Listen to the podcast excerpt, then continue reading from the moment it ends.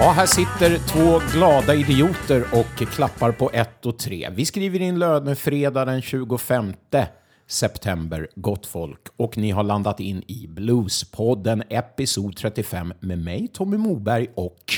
Fredrik Karlsson. När jag säger lönefredag så ska jag väl tillägga för er som har lön. Jag gjorde ju ett tafatt försök i förra avsnittet med någon form av jobbsökarannons live direkt här i podden. Och eh, vet du hur många erbjudanden jag har fått in av våra kära lyssnare, Fredrik? Inga kanske? Eh, exakt noll stycken. Ha, ha, ha. Men jag misströstar inte, utan har faktiskt haft det helt okej under min första månad som arbetslös. Du då Fredrik, allt bra med dig? Eh, härligt att höra. Vad bjuder vi på den här gången? Ja, först ska vi ha en Starsa, sen sist... Nu kom det en katt. Jävlar, lukta på mig. Förlåt. Det var min katt Buster som kom och strök sig lite. Ja, vårt nya segment från förra veckan, Blues på fem minuter, är tillbaka. Musikinslaget signerat med mig denna gång. Du har ju en veckans spaning Tommy. Ja. Sven Zetterbergs lilla parlör, Bluespodden tipsar. Sist, men aldrig minst, ett från norr till söder. Då går vi iväg.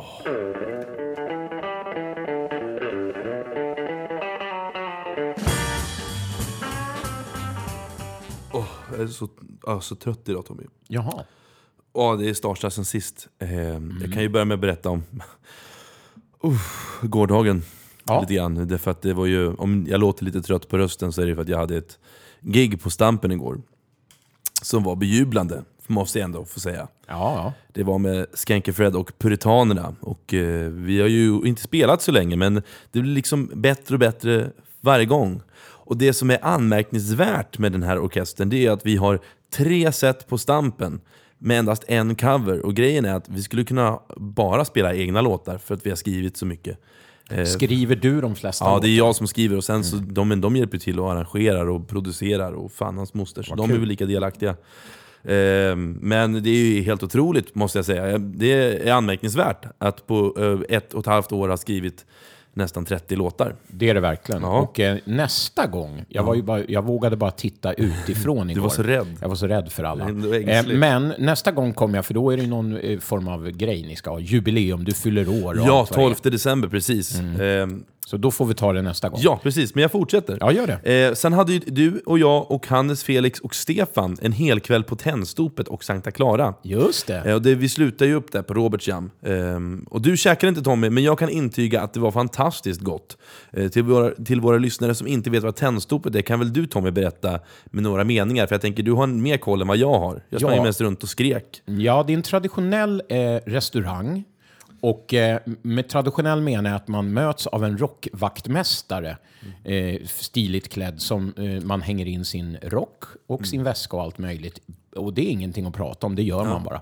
Och sen är det fint dukade vita bord eh, och silver och eh, ja, men, sådär. Men det känns ändå inte för eh, lyxigt, utan det är lite sådär att dit kan arbetarna gå Precis. en fredag och äta en jättefin råbiff till, som ni gjorde.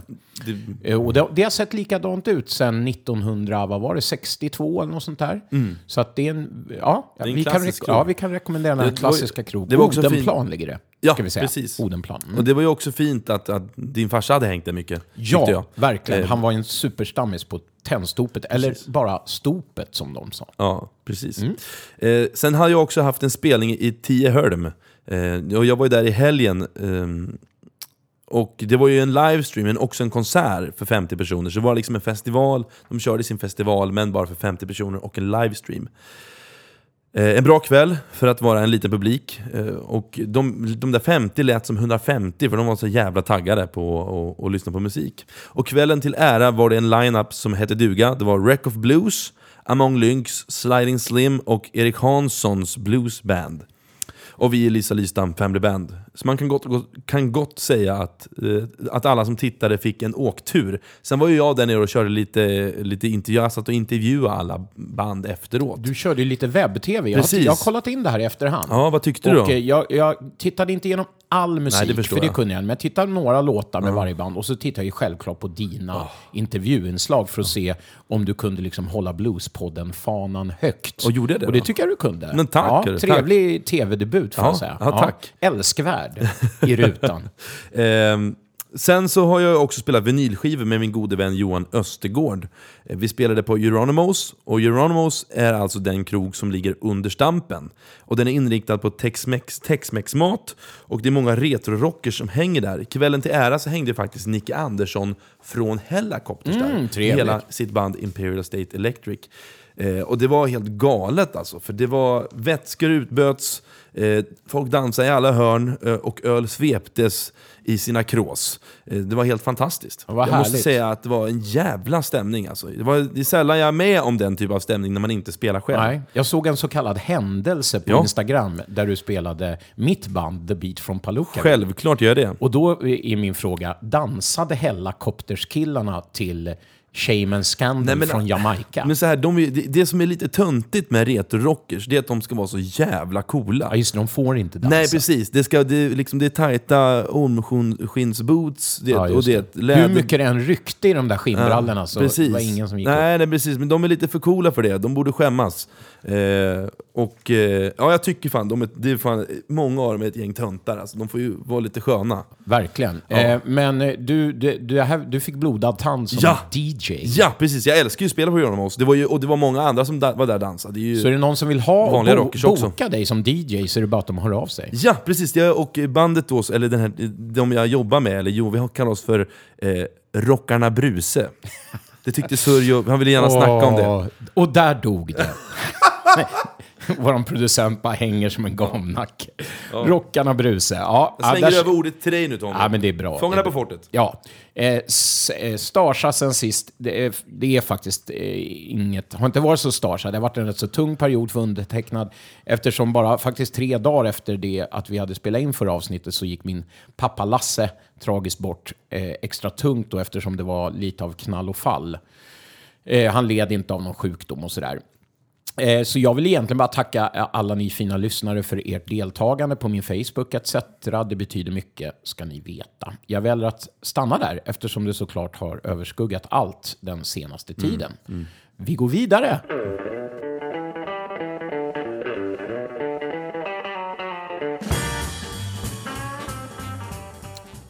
Vi har fått önskemål från en lyssnare att gå igenom Jan-Erik Fjällström i vårt segment Blues på fem minuter. Och eh, vi försöker ju alltid göra det vi, vi, vi kan för våra lyssnare, eller hur Tommy? Självklart. Eh, och vi vill bara säga att jag har inte hittat jättemycket information om Fjällis, eh, så jag kanske inte kommer upp i exakt fem minuter. Men Nej, men det gör ingenting. Vi är tacksamma för allt du kan ge oss, Fredrik. tack Tommy, tack. Så här kommer det. Eh, Så sitt still i båten och gunga med. Information till den nyfunne bluesälskaren. Jan-Erik Fjällström, men i folkmun Fjällis. Född i Motala 7 juni 1951. Död i Malmö 27 april 1999. Blir bara 48 bast. Fjällis var en svensk gitarrist sedan 60-talet som spelade med bland annat Mikael Wiehe, Peps Persson, Totta Näslund och Björn Afzelius. Känd för sina tolkningar av Robert Johnson-låtar som han gjorde med en National Steel Guitar eller så kallad resonatorgitarr. Till detta berättar han historier om Johnsons liv och leverne. Fjällis var med i grunduppsättningen av Wiehe, Nyberg, Frank och Fjällis. Information till dig som ska doktorera i Jan-Erik Fjällström. En brytpunkt för Fjällis var 1986 när han började spela på duo, på duo med legenden Peps Persson. Sedan började Bosse Skoglund spela med duon och då blev det ju då en trio. Detta samarbete ledde just till Fjällis enda skiva som kom 1991 och heter See You In Hell Blind Boy. Bygger på just Johnson-tolkningarna. Dock tyckte Fjällis att ljudet var så dåligt så han la om ljudet på sin akustiska gitarr i efterhand. Fjällis spelade alltid utan några effekter förutom en Ibanez Tube Screamer som pedal. Genom en förstärkare, vanligtvis Fender Bassman. Det gjordes en hyllningsplatta till Fjällis som heter Till och från en blå man. Artisterna som medverkade var bland annat Nisse Hellberg, Sven Zetterberg, Monica Tenell, Louise Hofsten, Totta Näslund, Mats Ronander and the list goes on and on and on and on. Tack för att ni har lyssnat.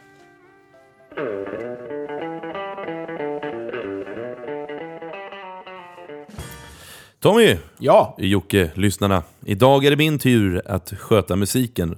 Och några dagar efter att vi släppte föregående avsnitt med det fantastiska namnet Liggpig var det 30 år sedan sedan en av bluesens största gitarrhjältar och ikoner dog. Och jag tänker ju på ingen mindre än Stevie Ray Vaughan. Stevie Ray Vaughan har ju betytt otroligt mycket för mig och han har betytt otroligt mycket för gitarrister i hela världen. Jag tror att, eh, att han numera måste vara lika inflytelserik som Jimi Hendrix. Ja, så är det nog faktiskt. Han, det går ju liksom inte att undkomma, alla har ju liksom eh, lyssnat på Stevie. Alla vet vem han är. Ja, ja, visst. Och uppbackad av sin rytm rytmsektion Double Trouble tog de nästan över hela världen med sin bluesrock och hade börjat få kommersiell framgång innan Stevie Ray Vaughan plötsligt dog i en helikopterkrasch 1990. Då jag tycker Stevie ska få det utrymme han förtjänar i vår podcast så kommer jag dela upp det här musiksegmentet i två delar. Just för att jag vill få med allt han har gjort. Eh, jag vill också vara rätt ingående i de olika skedena, så eller så ingående jag kan vara i podden. då. Steve Stevie Ray Vaughan, född i Dallas eh, 1955. Han började spela gitarr vid en tidig ålder och hans bror Jimmy Vaughan var en stor inspiration. När han gick i gymnasiet började han spela med olika garageband och vid 17 års ålder hoppade han av gymnasiet, eller high school som man säger. Eh, han flyttade då till Austin för att leva som musiker. Under hela 70-talet spelade han i mindre band och befann sig ofta ute på vägarna i en undermålig buss. Jag tror vi alla som spelar musik kan relatera till det här med bussen. Eller hur Tommy? Jo, ja, tack. shit. Jag tänker bara på vår gamla gula buss Eskil. Har du, kommer du ihåg den? Jag kommer ihåg eran buss. Ja, när vi satt där och kunde sitta och röka inomhus. Och, äh, fy fan vad sunkig den var. Men det var också så älskvärt. Gick i 80 km i timmen. Usch. Men i Stevies fall var det dålig ekonomi, mycket droger och alkohol. Ett av hans mer seriösa band, eh, där han spelar rytmgitarr, kallades för Cobras. De spelade runt barerna i Austin och i Texas då antar jag. Och jag tänkte att vi skulle lyssna på, på dem och låten, eller ett utdrag från låten Texas Clover. Yeah.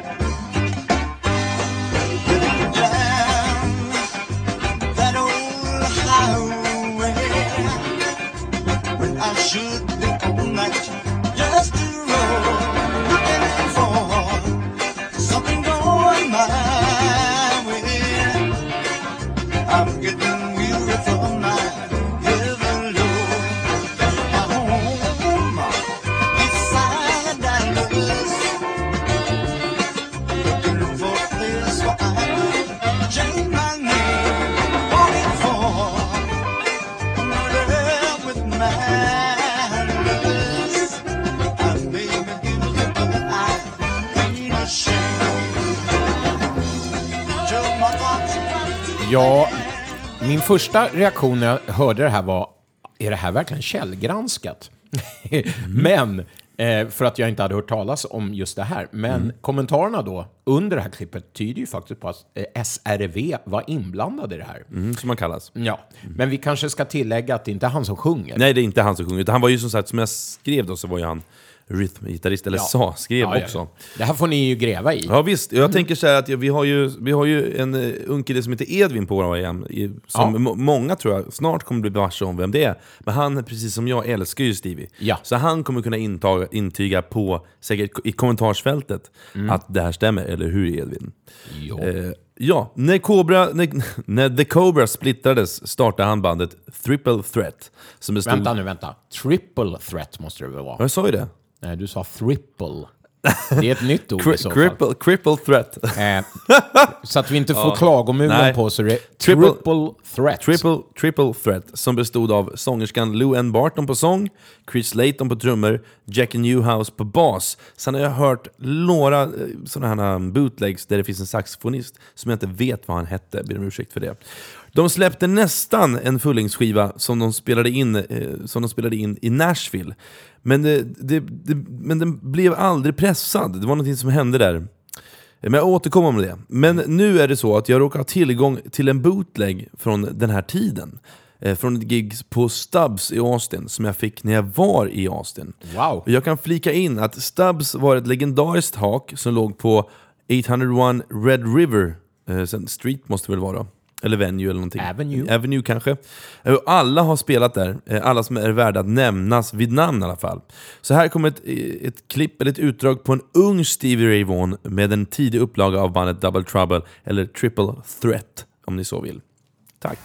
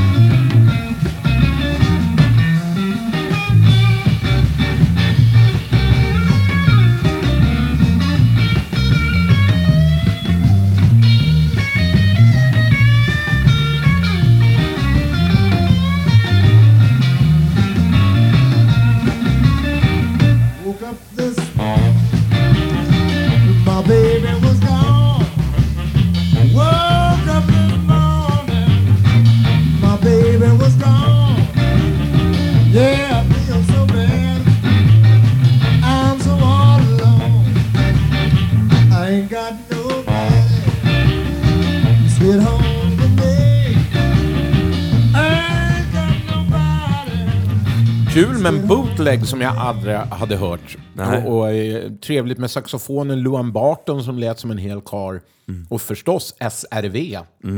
En ung SRV som spelar covers. Ja. Alltså bra bluescovers. Precis. Och det, men det har väl han alltid gjort? Jo, men det blev ju mer och mer en egen akt. Ja, liksom, ja, ja, som ja, bara ja körde sitt eget. visst. Eh, Vilket också är fint. Det är en annan grej. Eh, men jag fortsätter, Tommy. Ja, det ska jag göra. Eh, Det här bandet fick också möjlighet, som jag skrev och sa tidigare, att spela in en skiva i Nashville och allt höll på att vända för Stevie. För här var han ju fortfarande eh, okänd. Folk, jag tror många visste vem han var i blueskretsarna i Amerika, Muddy och alla de här. Albert, Albert King kallar ju Stevie för sin gudson bland annat. Eh, Stora ord. Ja, precis. Eh, Men när man trodde att det skulle vända och allt var, livet var på topp eh, så splittrades bandet och det vart ingenting. Eh, Så skivan finns dessvärre inte utgiven, men självklart så har jag ett digitalt exemplar av den här skivan som, av bandet Triple Threat. Ja, vad kul. Ska vi lyssna lite på? Ja, men självklart. Ja, men då gör vi det.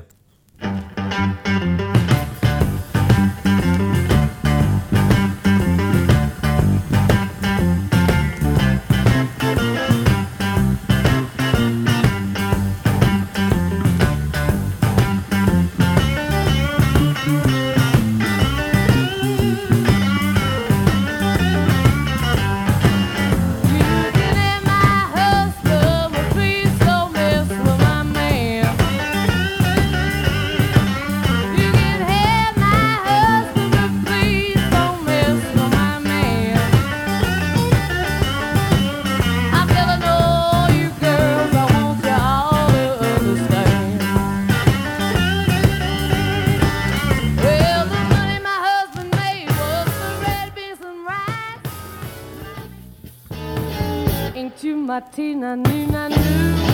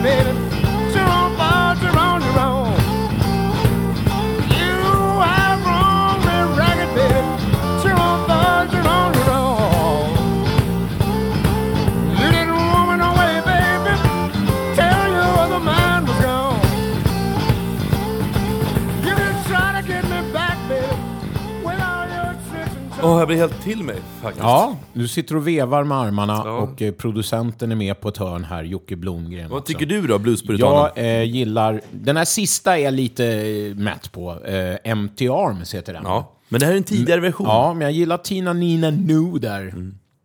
Med Luan på sång. Just det. Och så vidare, och första där. Ja, men det var bra. Bra. Tack. Bra energi. Jag fortsätter. Det känns som det var ju halva Stevies grej, hans energi. Mm. Eller det var hur? på liv och död. Det var allt. Ja, det kommer lite mer sen eh, av det där. Men efter nederlag, nederlaget med Triple Threat så startade Stevie sitt nya band och ut från skuggorna kom Stevie Ray Vaughan and the Double Trouble. I den konstellationen ingick Stevie Ray Vaughan, gitarr och sång, Chris Layton på trummor och Tommy Shannon på bas. Ja, för dig och mig som diggar nicknames eh, så är det viktigt att tillägga till eh, eh, trummisen här, Chris the Whipper Du, det Layton. visste inte jag. Chris the Whipper Layton på trummor som jag hade äran att träffa i Danmark på en festival eh, för kanske 6-7 år sedan. Mm. Trevlig, supertrevlig och kort kille. Kul när det går bra för andra. Du håller ju bara på med dina jävla gubbar annars, så det är kul att få träffa en riktig musiker. Ja, han var supertrevlig. Han var en riktig rågubbe faktiskt. Det var så? Det har ju gått några år nu. Ja. Nå- några år efter det ni hörde fick Steve Ray Vaughan och Double Trouble spela som den första osignerade akten på, vad heter festivalen Tommy? Ja, den heter Montreux Jazz Festival. Tack så mycket. Och det var 1982. Och det var en, e en egenfinansierad resa och man kan förstå att det måste varit en big deal för Stevie och bandet. Eh, dock råkade festivalledningen göra det grova misstaget att boka in Stevie på en akustisk afton. Tack. Alla som är bekant med Stevies musik vet att han är allt annat än akustisk.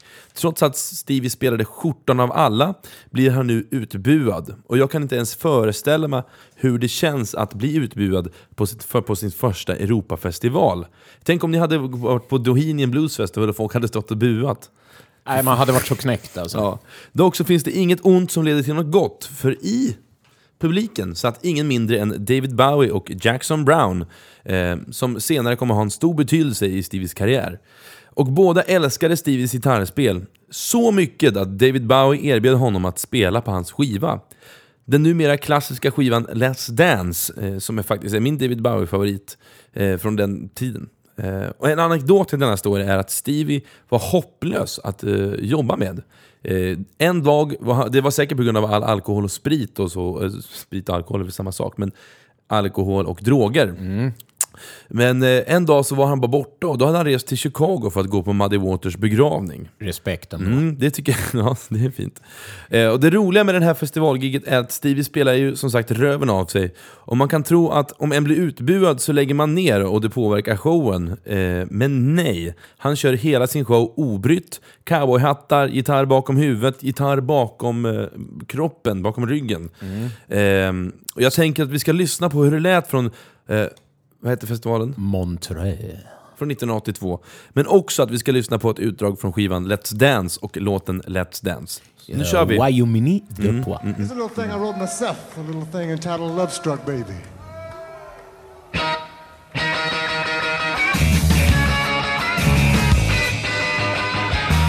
Well, I'm love struck, baby, I must confess.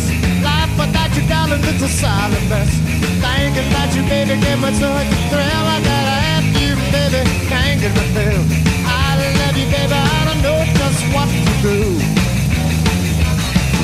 I still remember, you let it be said, the way you make me feel, take a fool of a gun. So I turn to mix it in, man, and what you do, little baby, ain't over it yet. Every time I see you make me feel as a fire Heart beating crazy, my blood run wild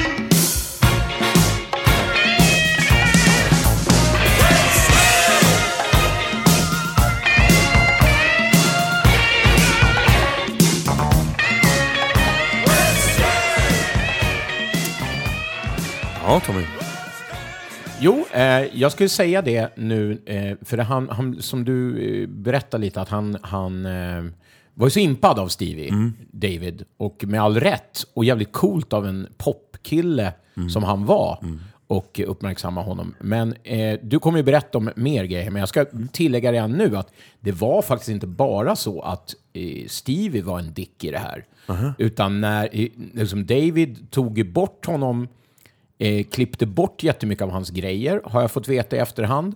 Eh, alltså av hans gitarrsolon, drog ner det tidigare och så vidare. Han fick inte vara med i videon till Let's Just. Dance, som verkligen hade breakat. För jag menar, den just det. videon var ju monumental Ja, över hela världen. Hade Steve fått stå där i bild och dra sina solon hade ju gått ännu fortare. Mm. Det är sant. Och blivit ännu större. Det är sant. man ska inte bara smutskasta Steve Nej, här. nej, men det vill jag inte göra. Eh, nu ska jag faktiskt hylla Stevie, för David Bowie eh, erbjöd ju Stevie en plats i hans band efter Let's Dance-skivan. Men iskallt tackar Stevie nej. Och det känner väl jag är otroligt kaxigt när man får ett sånt erbjudande. Alltså en av världens största popartister släpper en av liksom, årets bästa plattor och han säger nej, jag vill satsa på min grej. Det är fett. Det är fett, men eh, å andra sidan så var han ju en bluesman. Ja, det var det är ju jättesvårt att stå och spela Till, här. skill- till, skillnad från, till skillnad från Johnny Winter då, Johnny Winter var ju också en bluesman, Johnny Winter ville ju egentligen bara spela blues. Ja. Men han blev ju tvingad att spela rock. Stevie körde ju blues ganska länge alltså. Eh, innan han gick över och spelade mer rock. Med den äran. Mm. Eh, och det var ju också smart att eh, Stevie tackade nej, för att efter detta började det faktiskt hända saker för Stevie. Stevie fick aldrig något skivbolag i början, men, men man såg potentialen. Eftersom man, men eftersom han representerade som vanligt genren blues eh, såg man aldrig att det fanns ett kommersiellt gångbart värde i det. Vilket eh, jag tycker, det är väl klassiskt egentligen, det är en spaning. Ja, det men- var gå till Sverige Ja, visst, och visst. Eh, våran public service. Visst, visst. Jazzen får alla pengar och folkmusiken. Men En anekdot är att Stevie spelade på faktiskt Rolling Stones privata fest. Vilket visade sig vara en audition för att se om han kunde platsa in på deras skivbolag. eh, Som de dessvärre bedömde att han inte gjorde. Vilken generalmiss, kan man säga, ärt av dem. verkligen. Eh, Men det var ju inte bara David Bowie som såg honom i, i Montreaux. Montreal. Vad säger man? Jag- Montreal är det verkligen Nej, utan det är Montré. Montreux, jag blandar alltid ihop de här. Tack Tommy. Eh, utan Det var också Utan- han Jackson. Ja, ju precis. Tack. Jackson Brown som gav Stevie möjligheten att spela in i hans studio gratis i ett par dagar. Så Stevie och Double Trouble packade i bussen och reste från Austin till Los Angeles. Det måste ju vara en resa på minst ja, det är en hyfsad resa. 14 timmar. Eh, vid den här tidpunkten hade också legendaren John Hammond hjälpt till att göra stor, stora skivbolaget Epic Records intresserade. Så mellan 22 och 24 november 1982, det är alltså kring Thanksgiving, spelade Stevie in sin debu- debutplatta Texas Flood. Den spelades in, mixades och masterades under samma session. Och titeln Texas Flood kommer från låten Texas Flood som skrevs av Larry Davis. Men det är ju Stevies version som blev mest känd. Ja, men då ska vi lyssna på det va? Ja, jag tänker vi ska lyssna på ett utdrag från albumet, kanske låten Texas Flood bland annat. Men jag vill också säga, är det inte också så jävla dedikerat att åka från Thanksgiving, skit i en familj, vänner och spela in en platta? Ja, men Det- självklart. Jag tänker, men jag tänker, det, jag menar... Det är så vi jobbar och så är vi singlar båda två. Ja, ja precis.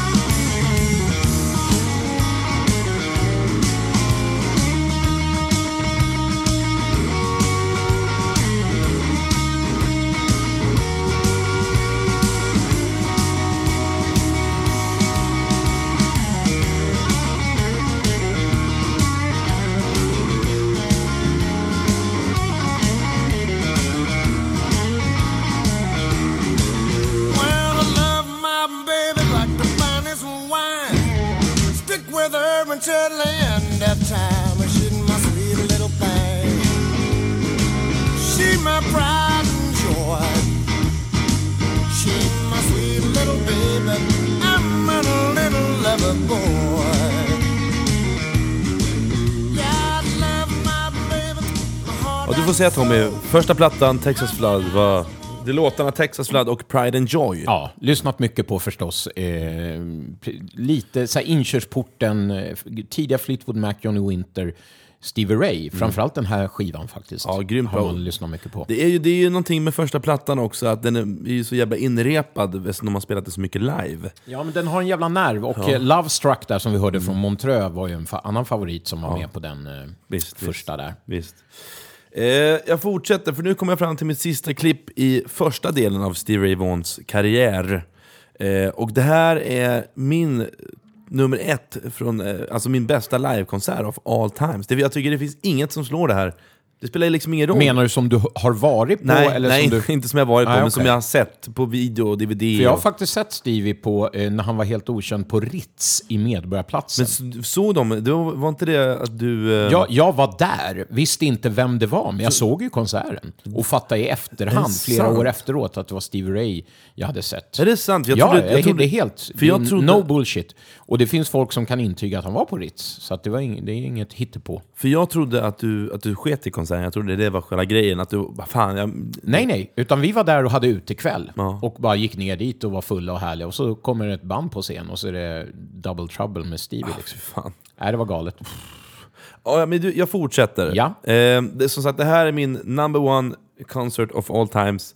Eh, jag tycker det finns inget som slår det här. Det är det bästa. Och jag kan titta på det här i timmar. Och det här är kanske den konserten som har gjort det största intrycket. Eh, han och Roffe Wikström live 2005 då. Men i samband med Texas Flood-plattan så fick Steve och Double Trouble möjligheten att spela in en livekonsert i Kanada. Så grabbarna satte sig återigen i bussen och körde hela vägen upp till Toronto. Om det är något jag blir inspirerad av med den tidiga Stevie-historien är att de verkligen gjorde allt så dedikerat, som jag nämnde tidigare. Och de gav aldrig vika för det som betydde mest, vilket var musiken.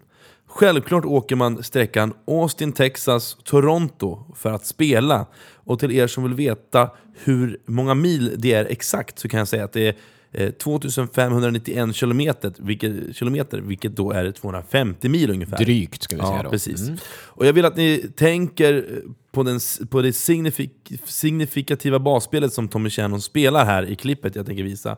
Eh, och hans, för det, det kommer ju från eh, plattan Johnny Winter. Den, eh, Johnny Winter N kanske den heter. Hans, för, Johnny Winters första platta, för det spelar ju Tommy Shannon bas också. Ja, han spelade kom- många år med honom innan. Precis, och han kompar ju, kompar ju liksom som en gitarr på basen. Det är väl det som är signifikativt. Ja, just det. Eh, Drar ackord liksom. Precis, och det, lyssna på det här gitarrsolot. Det är då ett utdrag från Steve Ray Vaughan and the Double Trouble som du ägde då på VHS. Ja, jag köpte den på VHS-kassett, kommer jag ihåg. Och den hade även eh, Jocke Blomgren på Och VHS. vem har den också på VHS tror ni? Du såklart. Jajamensan. Men nu- jag tänkte att du kanske hade kommit över någon DVD. Det har jag också, jag har den på Ja. DVD också VHS. Mm, såklart. Du, har den också på... Vad säger ja, du ja. Jocke? Tycker du också att det här är kanske... Nu får du skrika! Nej, Han tycker det är han magical. mimar. Ja precis, det är, just det, det är det här. Han har ju faktiskt varit med i podden en gång. Mm. Men vi funderar ju på att göra en feature med Ja, vår just det. producent. Ja, att han ska och få intervjua berätta. honom en gång. Han ska få prata om sin blues, Yngwie Malmsteen och sånt. Ja, ja. Ja, men tack för att ni har lyssnat och eh, Steve Vaughan del 2 kommer om två avsnitt då. Eftersom du ska Det ser, ja, men det ser vi fram emot. Vad Ja. trevligt. Kul! Nu Kul skulle- för den här eh, nostalgitrippen. Ja, men eller hur? Ja, för, jag ska bara tillägga det. Ja. Det fanns en tid när det var eh, ren eh, skämmighet att säga att man gillade eller hade gillat Stevie Ray. Varför då? Ja, men det var så i det som du kallar ankdammen förr i tiden. Att då var retro det enda som gällde. Nu har vi gått varvet runt och det är helt okej att säga att Stevie Ray var jävligt bra. Jaha, men just, men det, Så nu är det okej igen, men ge det 5-10 år till så kanske det är larvigt igen. så är det bara de här jävla gubbarna.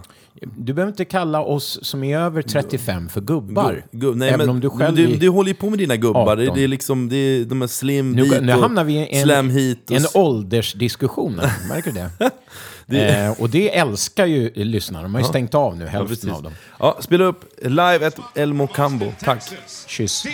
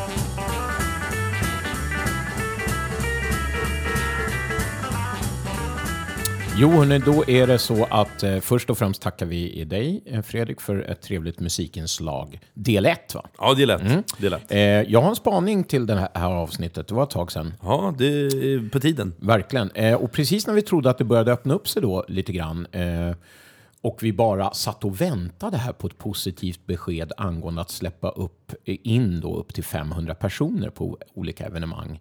Första oktober ska ju det beskedet komma.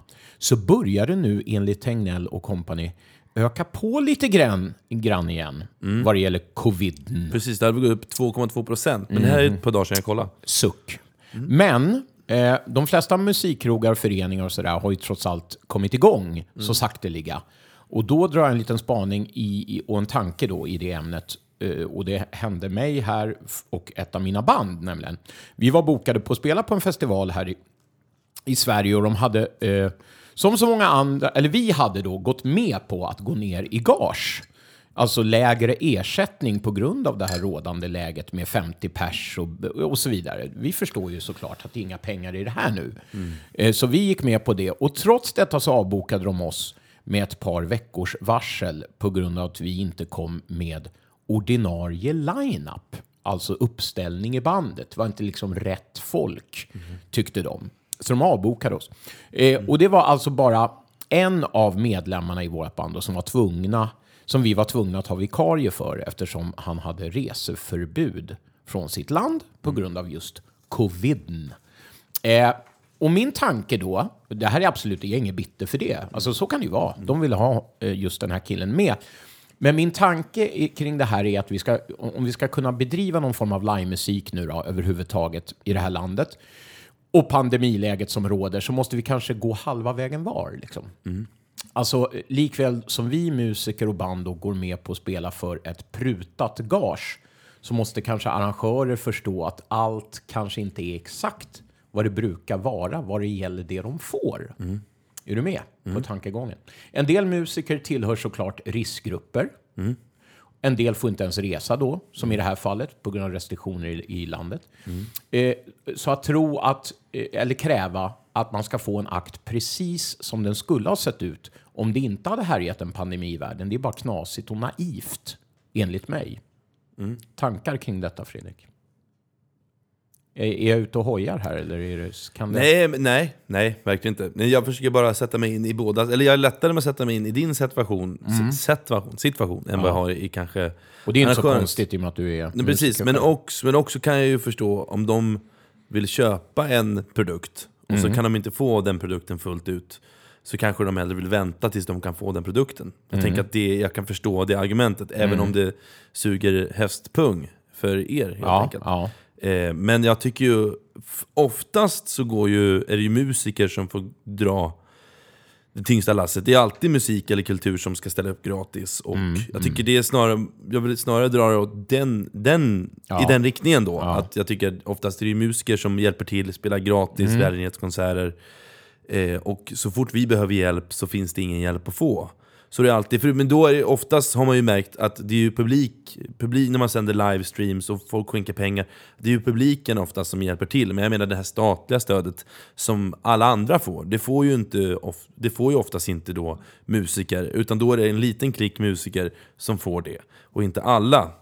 Ja, Så och, jag, jag. Och, och missförstå mig rätt här, både ni och alla där ute, att jag är alltså inte eh, jättetokbitter Nej. över grejen. Och jag tycker att det var bara en grej jag funderade på, för att jag har ju ändå ett, ett annat exempel i andra änden, där det är så att eh, jag och en krog då, som ni väl känner till, som heter Stampen, har en, en fungerande modell, där det är så att vi, där jag då varannan helg håller i det här sta- eh, jammet, som du också har gjort tidigare.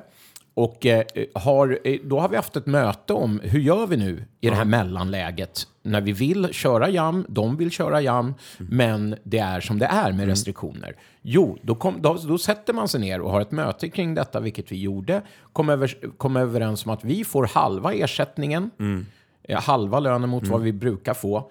Och då säger jag att okej, vi får halva, men då ger vi ungefär halva produkten tillbaka. Alltså inte att vi spelar på halva nivån, utan i vårat fall så sitter vi inte och lägger ner de här timmarna innan Nej, i förberedelse, att vi, för vi specialbjöd in Mm. jammare till våra jam. Plus att vi hade med en special guest varenda gång Mm. som vi repeterade med och reste in hit till Stockholm och bodde på hotell och så vidare. Och då sa vi direkt att ja, men okej, den delen lämnar vi åt sidan då. Mm. Och så kör vi ett traditionellt vanligt jam bara. Fine, tyckte de. För de vill ju ha jam. Mm. Men de förstår att det är icing on the cake kommer det ju inte bli nu när vi betalar er hälften. Nej. Så det är ett bra exempel på jag tycker, hur jag tycker att både arrangörer och musiker ska gå halva Mm. Det är- vägen det var kompromiss. i det här rådande läget. Så jag bara säger att kom igen Sverige, tänk lite på det här sättet i fortsättningen. Eh, så, så kan vi ändå hålla det här igång nu. Ja. Eller hur? ja. Ja, men då så. Inga verkar tycka något annat. Här inne i Nej, alla nej, fall. men jag, nej men jag, vad vad ska... Vad Nej, ska men du behöver, vi behöver inte ha någon debatt. Tycker du, håller du med så är det ju första gången. Kling klong. Nej, men, Kors i nej, men det taket. gör jag. Det, men jag, det, jag inflikar bara Mm. att att det funkar. Jag tycker man ska gå, kan gå ner i gage om man vill spela. Det är inte alla heller som vill spela, utan de vill sitta på sin tron och få jättemycket pengar i gage. Och då kan de få det, men då finns det inte heller några gig. Så då kan man inte komma och klaga sen om man inte får spela. Nej, nej, nej. Där är jag i din linje, helt. Ja, ja. Nej, Alltså, jag, nej, jag har ju inga för, åsikter. Det här är ju för oss som behöver spela för att må bra, Precis. så att säga. Nej, och då måste dig. man hitta en, en, ett, ett sätt att göra det Visst, på. Och det här är visst. ett av dem. Och där tycker jag, i det här fallet, den här festivalen skulle ha tänkt kanske lite grann, ja men vi får ju ändå 90, eller vi får ju 90 procent av det. Ska vi inte köra ändå? Ja, jag förstår. Eh, men jag är inte arg på dem på något sätt. Nej, jag förstår. Utan vi kommer säkert åka dit någon annan gång. Det får vi hoppas, för det är Bra. bra. Ja, men det var dagens spaning. Då stänger vi. Veckans bara. Vi stänger den. Eh, tack för ordet. Your love for me will always be. Alltså, åh fan. Och du får upp nyckeln. Åh, så jävla fan. Åh, jag komplett. Hallå? Nej, shh, shh. Åh fan, inte väcka. Åh, så komplett. Tommy! Vadå? Tommy, det, det, vad har hänt? Det blöder! Sluta då. Tommy! Klock, klockan är kvart över sex! Vart har du varit? Eh, vad skär? Vart ute? Vadå? Vart ute? Tommy! Polarna, ja. Vad- Vi måste sluta med det här, det lova! Sluta, lova sluta med gin och tonicen! Det lova! Öh, du fick det bra du, när du träffade mig.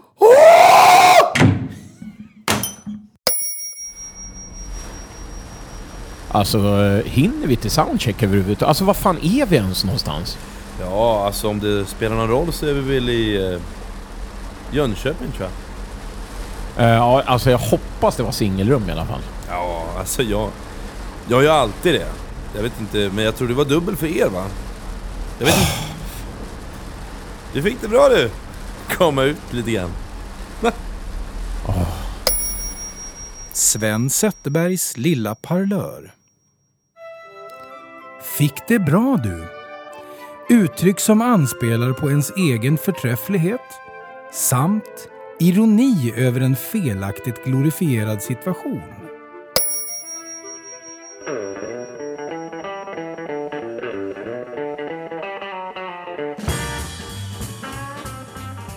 Bluesbollen tipsar Tom- Tommy. Härligt! Jag går ut först då. Det gör du.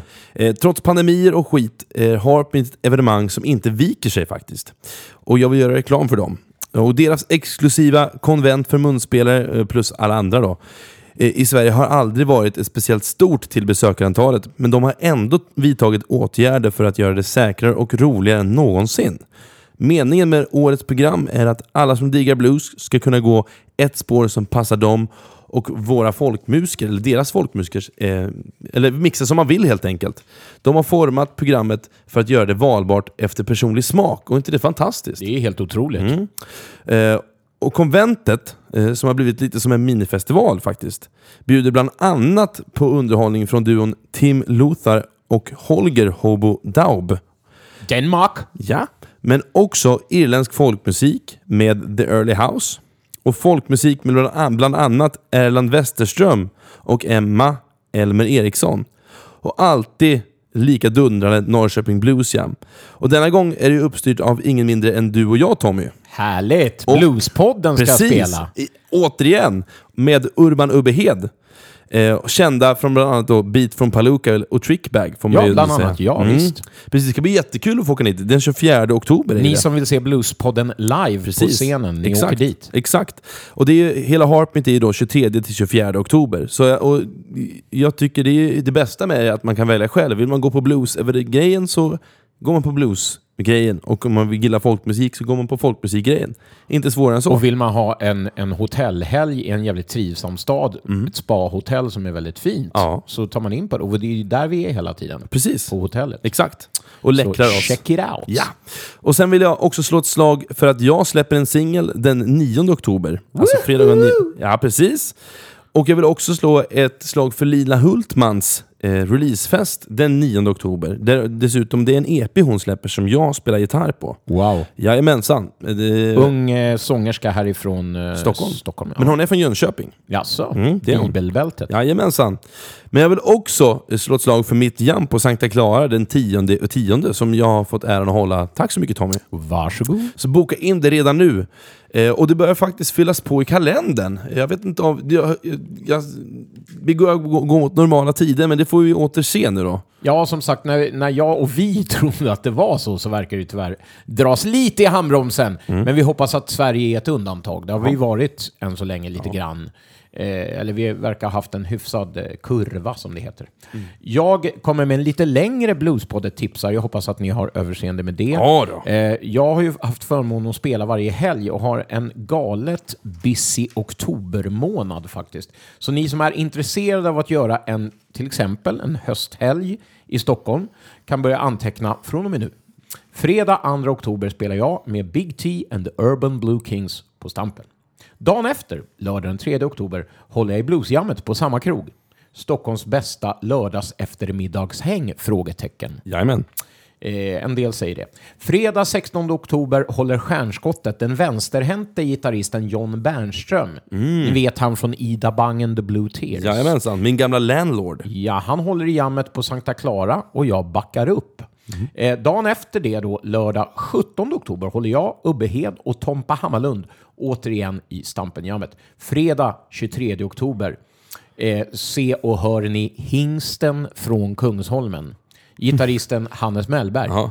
hålla i Klara-jammet. Också uppbackad av mig. Det där var alltså fredag 23 oktober. Sen en till liten bonus för alla trickbag-diggare som undrar vad fan som händer händer med med, oss egentligen. Eh, Så är tanken så här och planen att vi ska göra inte mindre än fyra stycken Sverige-gig nästa månad, oktober då. Eh, eh, Med start lördag den 17 oktober på Stampen. Kul! Eh, två veckor senare, för det blir bara en, ett gig där, ett one-off-gig i Stockholm. Eh, men sen då, två veckor senare, gör vi även en liten tripp torsdag 29 oktober på Sundsvalls jazzförening. Har du varit där? Ja, men E-Street. Trevlig va? Ja, jätte, jättekul. Eh, de roligt. kör ju ett 50-tal sådär begränsning som alla andra, men det går nog att gå in där och haffa en biljett om man har tur. Eh, Härnösand, lite högre upp, dagen efter, också en jazz och bluesförening kanske, eller bara jazzförening. Nej, men jag tror det, de har inte blues det på Ölkällan där va? Ja, det heter Öbacka va? Precis. Och så, de har något samarbete, så där är vi dagen efter då, eh, fredag den 30 oktober. Och till Kul. sist ett besök i din kära hemstad Norrköping. Det blir en lång resa för oss ner, men föreningen Blå Kaktus lördag den 31 oktober. Och du, får jag flika in Ja, här? det ska får jag göra. slå ett slag för Christian, eller för- från Blå Cactus? Självklart. Eh, det är ju att de det är att de har en, verkar fixa en jättemysig lokal som ligger på samma gata där jag är uppvuxen. Mm. Också samma gata där Eldkvarn hade sin replokal. Ja, du ser. Det är ju klassisk mark. Jajamensan, det är klassisk mark. Är det Dynamo? Dynamo nej, nej, men det, nej, det tillhör Dynamo, typ. Men det Ja. är inte Dynamo. Nej, men det är de trakterna. Ja, precis. Fan vad härligt. Vid synagogan. Nära Kungsgatan där. Mm. Det är praktiskt precis vid Kungsgatan. Ja, men det är otroligt. Eh, och då är det så att eh, vi ska då tillägga att mot bakgrund av min spaning som jag hade så, så har, ska vi faktiskt inte få njuta av eh, Steve Weston. Han får inte resa helt enkelt. Så är det. Eh, och så vi ska ha den comebackande Göteborgsprofilen Stefan Dafgård med oss på munspel som vikarie då. Och, och alla ni och jag själv och du kanske som diggar Mr Leino, ni får hålla tummarna att inte Finland nu går bananas och stänger sina gränser. Och det här skrev jag igår. Vet du vad som har hänt idag? De har stängt sina gränser. Du har mitt nummer Tommy, det är bara att ringa. Det är så. Blir Skanky Fred featuring Trickbag. Du är affischnamn. Nej men hörni, eh, vad säger vi? Det händer mycket i oktober. Ja, verkligen. Och du, du, Ni får gå tillbaka nu, spola tillbaka som man gjorde förr i jag, tiden. jag, då måste jag, Och, och anteckna. jag glömde bort en grej jag vill säga också. För jag spelar faktiskt den 21 oktober på Crescendo. Med Skanky Fred och Puritanerna. Crescendo det? Nej, jag kan inte säga. jag kan Crescendo. inte- ja, jag kan inte Precis, så jag, det vill jag också säga. Nu, Det är ett fint ställe. Ja, det är det. Förlåt om jag kuppar här nu. Nej, ingen fara. Jag har ju pratat i en uke. Är det pumper i? Hörru, nu kommer bumper och sen ska vi avrunda. Ja! Hej då. Inte.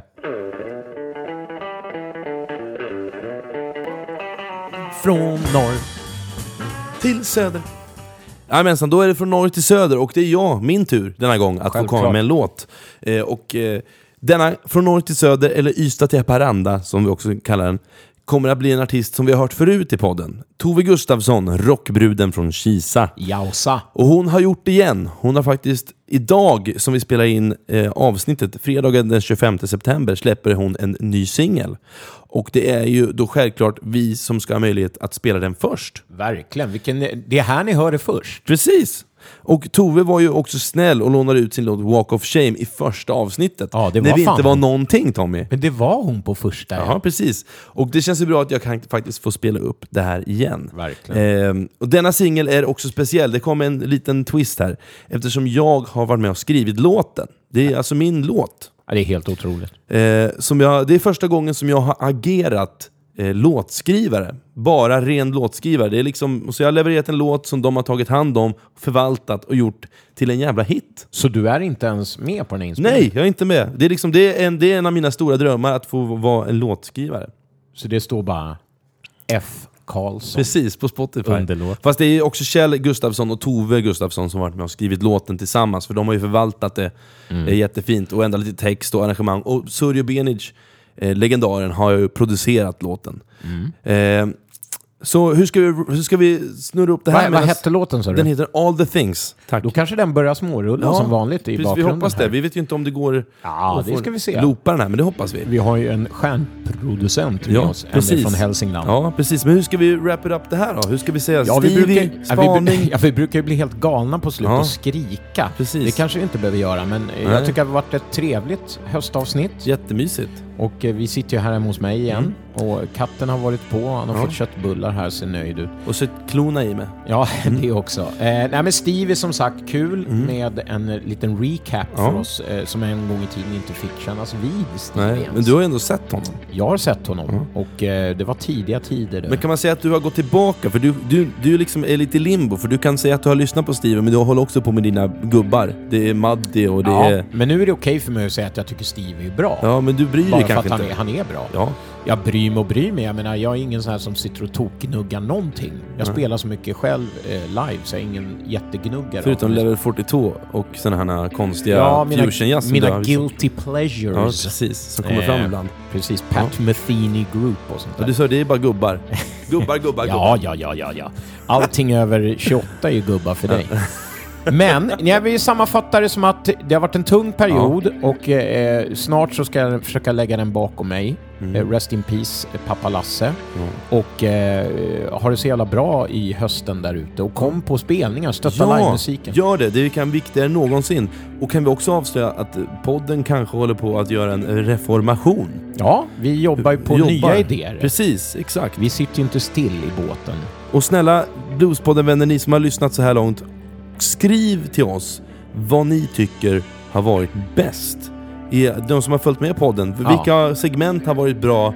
Har vissa segment varit för långa? Har de varit för korta? Vad vill ni ha mer av? Det är viktigare än någonsin att vi får in er. Intervjuerna, Precis. hur har de varit? Ska man ha det? Är det kul med reportage ute på fältet? Precis. Och så vidare och så Ja. vidare. Ja, och Ja, vi behöver det för vårt kommande, eh, Ja. våra kommande idéer. Precis, precis. Och kom ihåg också att swisha om man vill stötta podden. För det är också rätt viktigt nu när vi sitter här panka utan några jobb. Ja, det- Jocke är pankare än någonsin, Ja. du är pankare än Ja, någonsin. vi- mig ska vi inte ens prata om. Mm. Men det var ju så att när vi, när vi bad om lite Swish förra gången så handlade det om att komma ut och göra eh, så kallade reportage. Ja, precis. Så att vi skulle kunna ha råd att resa. Nu måste vi ändå vara eh, liksom ärliga och säga det att de pengarna i stort sett gått, ut, eh, gått åt till att bara ge ut Ja, avsnitt. precis. För det kostar stimavgifter och det Ja. kostar att bara ge ut ett avsnitt. Ja. Cirka tusen spänn per Mm, avsnitt precis. kostar det. Så att eh, vi behöver lite stöd. Ja, jätte... För vi har inga sponsorer. Och det kan man swisha till mig. Det är 0766 117 144. Alltså 0766 117 144. Ska vi tacka då? Ja. Tack, puss och kram! Ha det så bra. Vi hörs nästa månad.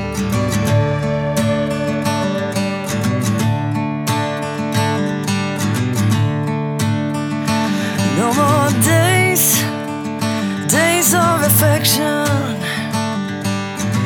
I saw my world fall apart.